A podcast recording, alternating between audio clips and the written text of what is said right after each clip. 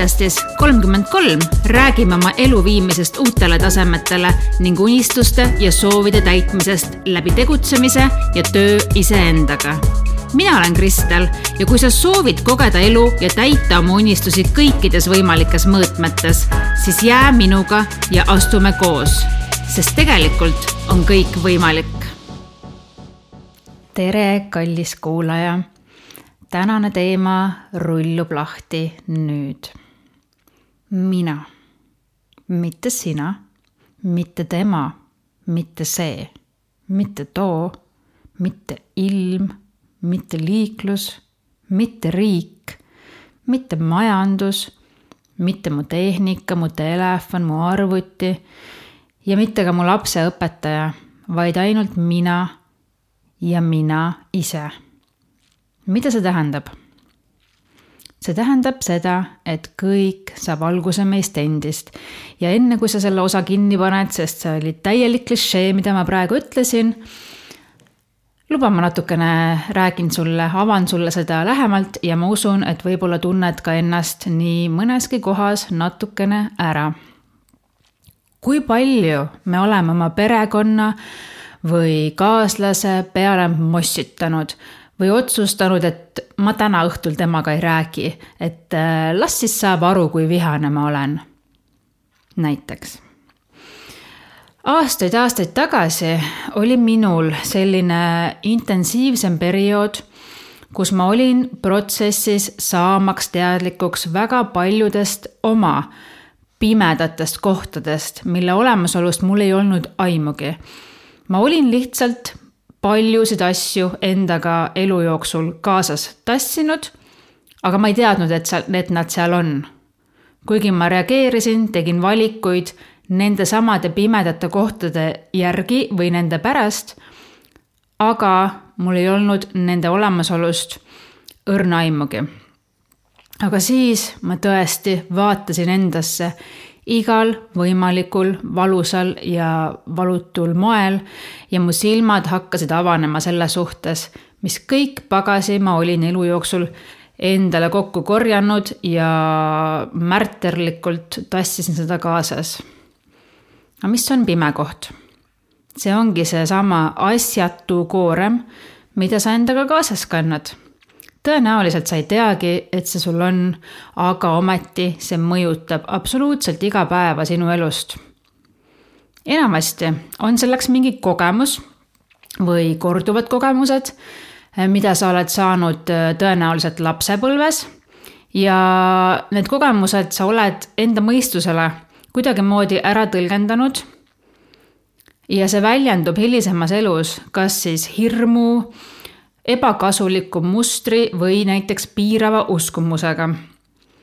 ja kui tegu on hirmu või piirava uskumusega, siis tihti me väldimegi edaspidises elus neid kohti, kus me peaks nende samade olukordadega jälle kokku puutuma või neile otsa vaatama. ehk siis me väldime ja kompenseerime. näiteks, kui ma olen saanud kunagi mingi kogemuse, peale mida mul on raske inimesi usaldada ja ma kardan näiteks, et mind jäetakse maha, kui ma oleksin, kui mul oleks kalduvus olla oma kaaslase peale armukade, siis selle asemel, et oma mahajätmishirmuga ja enda ebaväärtuslikkuse tundega tegeleda, ma hoopis Äh, väldin, kompenseerin ja valin endale kaaslaseks täiesti alateadlikult sellise mehe näiteks, kes on hästi kodune. ma alateadlikult ei vali enda kõrvale sellist inimest, kellel on näiteks mingi liikuv töö või kes oma töö raames või siis miks ka mitte täiesti vabatahtlikult puutub pidevalt kokku erinevate inimestega ja hoidku siis veel jumal selle eest, et, et naisterahvastega. ja isegi kui meie suhte kvaliteet selle nii-öelda koduse mehega, kes siis ei trigerda minu armukadedust ja minu mahajätmishirmu, kui meie suhte kvaliteet oleks selline keskpärane, et ei ole halvasti, aga, aga ei ole ka nüüd super hästi, on ju, siis ma sellegipoolest lepiksin sellega, kuna ta vähemalt kompenseerib minu selle suurima hirmu, milleks on siis see, et ta läheb ja kohtub teiste inimestega ja siis äkki jätab mu maha.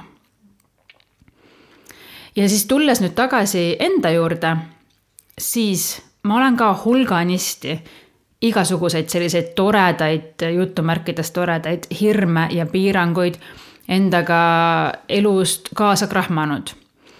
ja kunagi ma olin samuti, nagu me kõik, kes on hakanud erinevatest elumustritest teadlikuks saama, ma olin ka ikka väga alguses selle enese eest vastutuse võtmisega ja pigem otsisin ja soovisin alati muutust näha kuskil väljaspool seega oli väga-väga-väga palju neid hetki, kus mina tundsin ennast halvasti. ja ma soovisin, et mu elukaaslane oleks käitunud teisiti.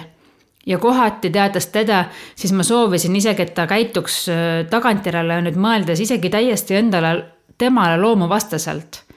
Aga ma soovisin just, et tema käituks teisiti, sest siis saaksin ju mina ennast paremini tunda. Ma reaalselt mõtlesin, et kui tema praegu teeks nii, nagu mina soovin ja vajan, siis mul ju neid probleeme ei oleks ja elu saaks väga ilus olla.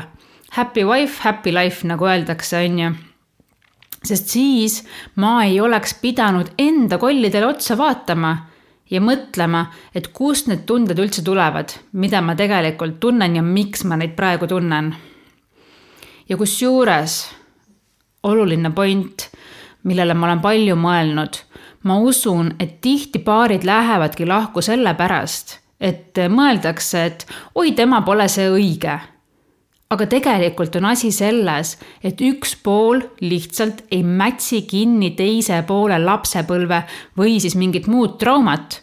ja siis tundubki, et see inimene ei ole see õige kuigi tegelikult suhteklapp paarina võib olla suurepärane ja potentsiaali oleks meeletult mina olen tõesti nii tänulik, et ma olin selleks heitlikuks ajaks nii-öelda omandanud juba oskuse kuulata oma südant ja oma sisehäält.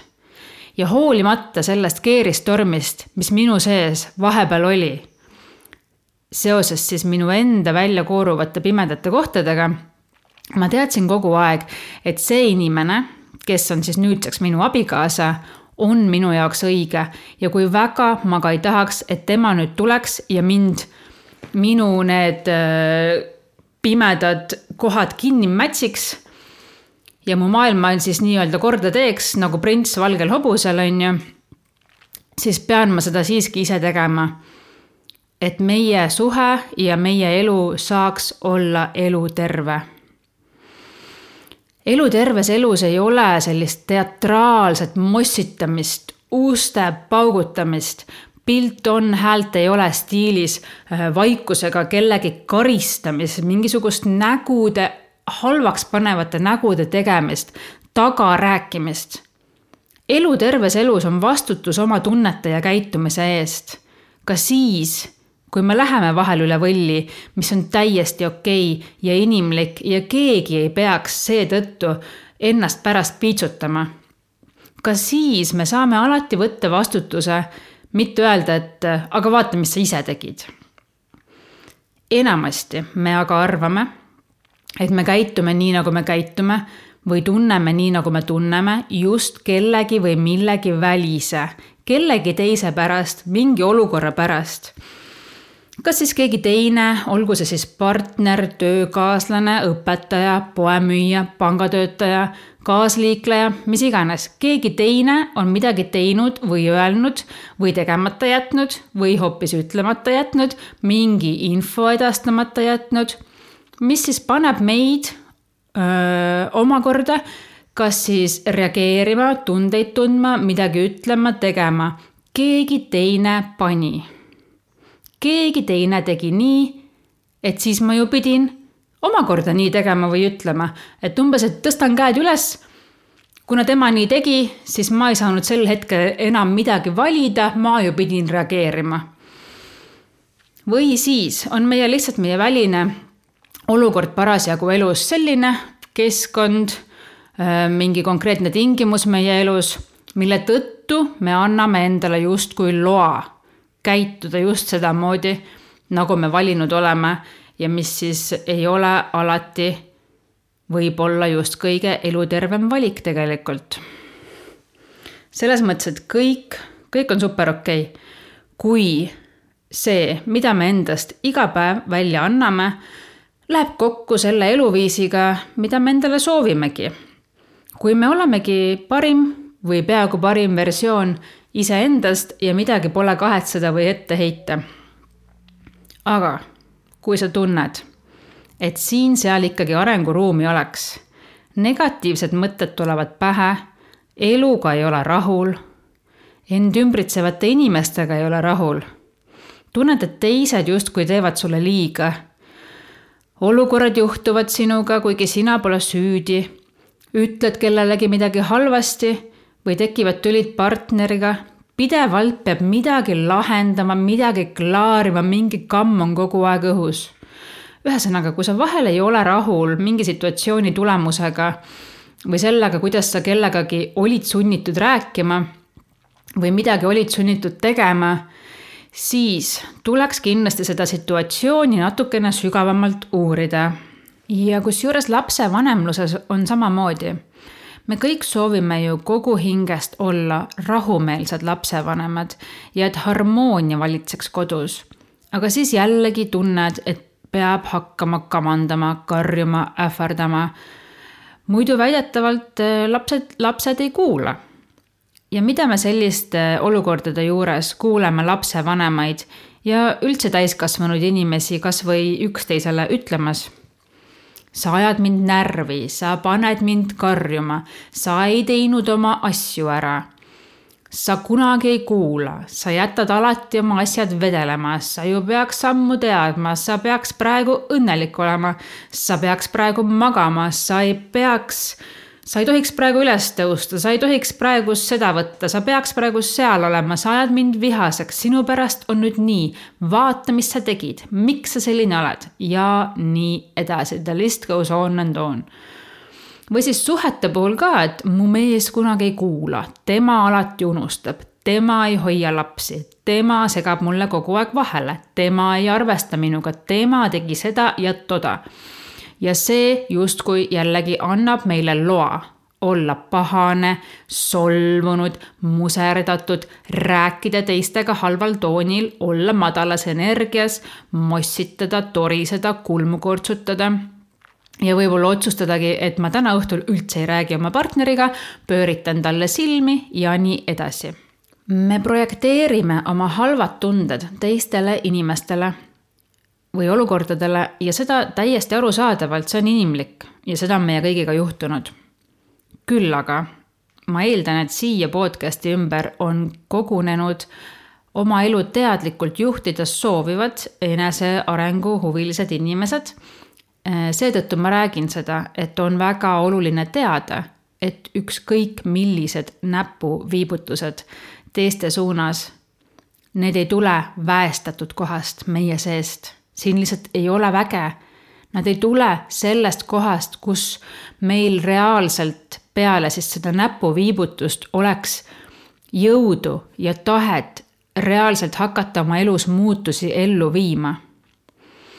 otsides oma tunnetele ja valikutele põhjuseid ja põhjendusi väljast, me anname lihtsalt kogu vastutuse ära ja kui sa pead iga päev tundma frustratsiooni, sest sul laps või partner käitub teatud viisil ja sa näed seda põhjust ainult ja ainult neis, siis tõenäoliselt su frustratsioon ei kao mitte kunagi ära. jah, konkreetsed käivitajad võivad asenduda. sa võid vahetada mehi, lapsed kasvavad suureks, mis iganes. aga kui sul ei ole harjumust leida juurpõhjuseid ja muutuseid enda seest, siis on alati väliskeskkonnas midagi, mis nii-öelda trigerdab ehk siis ebameeldivalt reageerima paneb. aga üllatus, maailm ja inimesed ei keerle meie triggerite ümber ja nad ei hakka elu sees kikivarvul käima meie nõrkade kohtade ümber.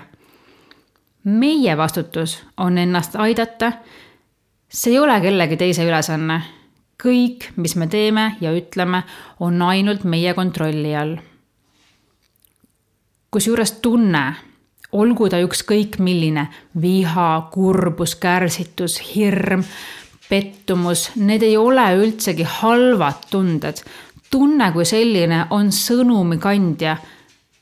tal on meile midagi öelda ja väga hea, et ta toob meile neid sõnumeid, see on meie võimalus millegi mõistmiseks, millestki arusaamiseks, millegi harutama hakkamiseks. ja see ongi meie otsustada, kuidas me selle sõnumi vastu võtame ja mida me täpsemalt sellega edasi tegema hakkame. tunne ei ole vabandus ega õigustus tegudele, et ma olin vihane ja siis võisin nii käituda.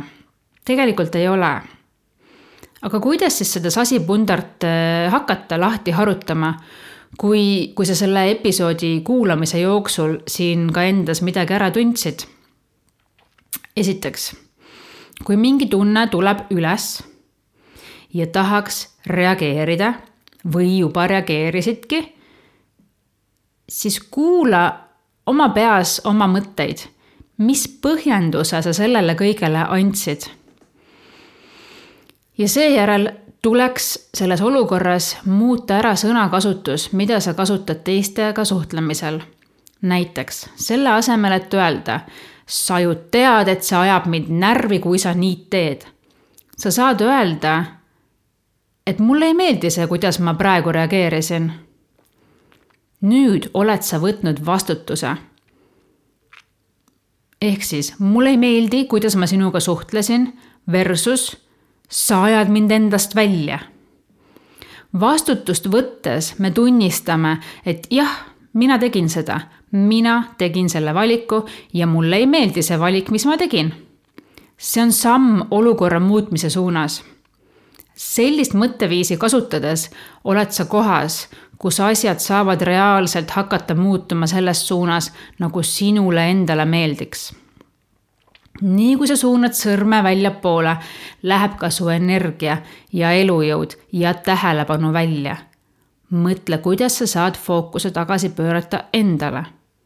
see on see, mis annab jõudu muutusteks. kui vaatame välja, anname jõu ära.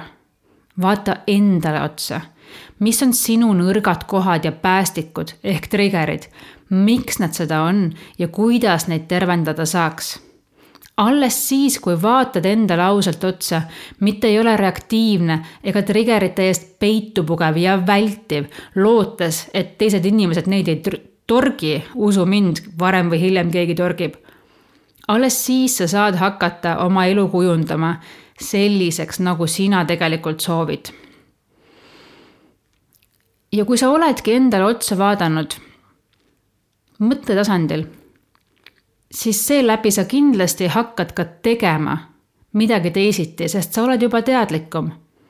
ja kui sa hakkad tegema midagi teisiti, siis kindla peale hakkavad ka muutused tulema. aga kui sa ootad, et keegi teine midagi teisiti hakkaks tegema, siis sa võid oodata kogu elu. ja tead, kui hakkabki, siis küll sa uue probleemi leiad sellepärast, et sa ei ole lihtsalt ikka endale otsa vaadanud. kui sa nüüd tunned, et oled reaktiivne olnud ja tihti selles oma partnerit, lapsi, ilma, naabreid, kaasliiklejaid, mida iganes süüdistanud, siis tea, et see on normaalne ja sul ei ole mitte midagi viga. sa ei ole kuskilt otsast vale ega halb inimene. me oleme kõik lihtsalt kogu elu endale peale korjanud mingisuguse programmi, mille eesmärk algselt on olnud tegelikult meid millegi eest kaitsta. aga nüüd on sellest saanud autopiloot olukordades, mis tegelikult selle mustri tekkepõhjusega ei ole isegi enam üldse seotud.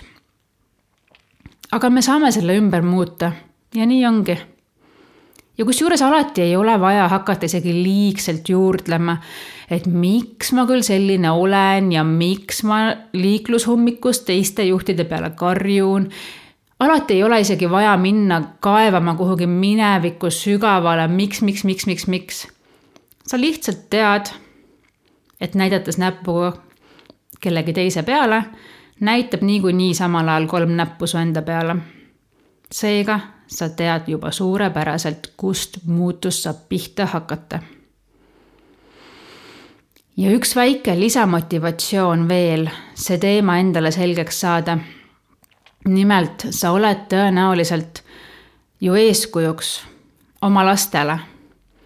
kui peres on õed-vennad siis on ju nii tüüpiline see, et tülide korral näidatakse üksteise peale näpuga ja öeldakse, aga tema ütles ja tema tegi. Ja siis tuleb lapsevanem seda tüli lahendama, kes ütleb lastele, et teie ajate mind närvi, teie lõpetage see vaidlemine ära ja mul on teie tülidest kõrini ja teie peaksite juba suured olema ja teie peaksite rahulikult mängida suutma ja nii edasi. mis on tulemuseks? üks tore üksteise peale näpuga näitav kolmnurk. aga kust need lapsed õpivad, kui vanem käitub samamoodi? Ja siis, kui su laps on suurem ja kui ta käib juba iseseisvalt ringi, siis sa ju ei sooviks, et ta tuleks pärast millegagi hakkama saamist, silmad maas koju ja ütleks, et tema sõbrad panid teda midagi tegema sa ju soovid, et tal oleks alati julgus ise õigeid otsuseid vastu võtta, mitte pugeda põhjenduse taha, et aga nemad tegid nii ja sellepärast mina tegin ka nii. Oskust oma valikute üle otsustada väliskeskkonnast sõltumatult.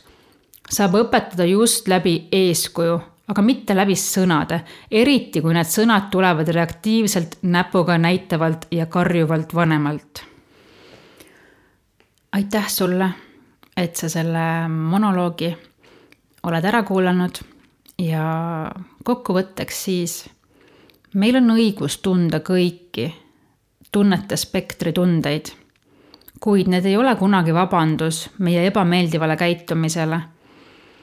ja kui me unistame sellest, et keegi meie elus käituks teistmoodi, siis vaadakem sellest sügavamale ja leidkem põhjused miks meil sellist käitumist vaja on ja kuidas me saaksime hoopis ise anda panuse olukorra muutusesse. Aitäh sulle veel kord ja selleks, et see vestlus ei oleks siin totaalne mono-, monoloog, oled alati oodatud mulle kirjutama sotsiaalmeediasse või kuhu iganes. ja kohtume järgmisel korral. aitäh et kuulasid podcasti kolmkümmend kolm. kui miski sind kõnetas, siis tule jutusta minuga ka Instagramis, at Kristel Koppel. Soovin sulle julgust unistada ja tegutseda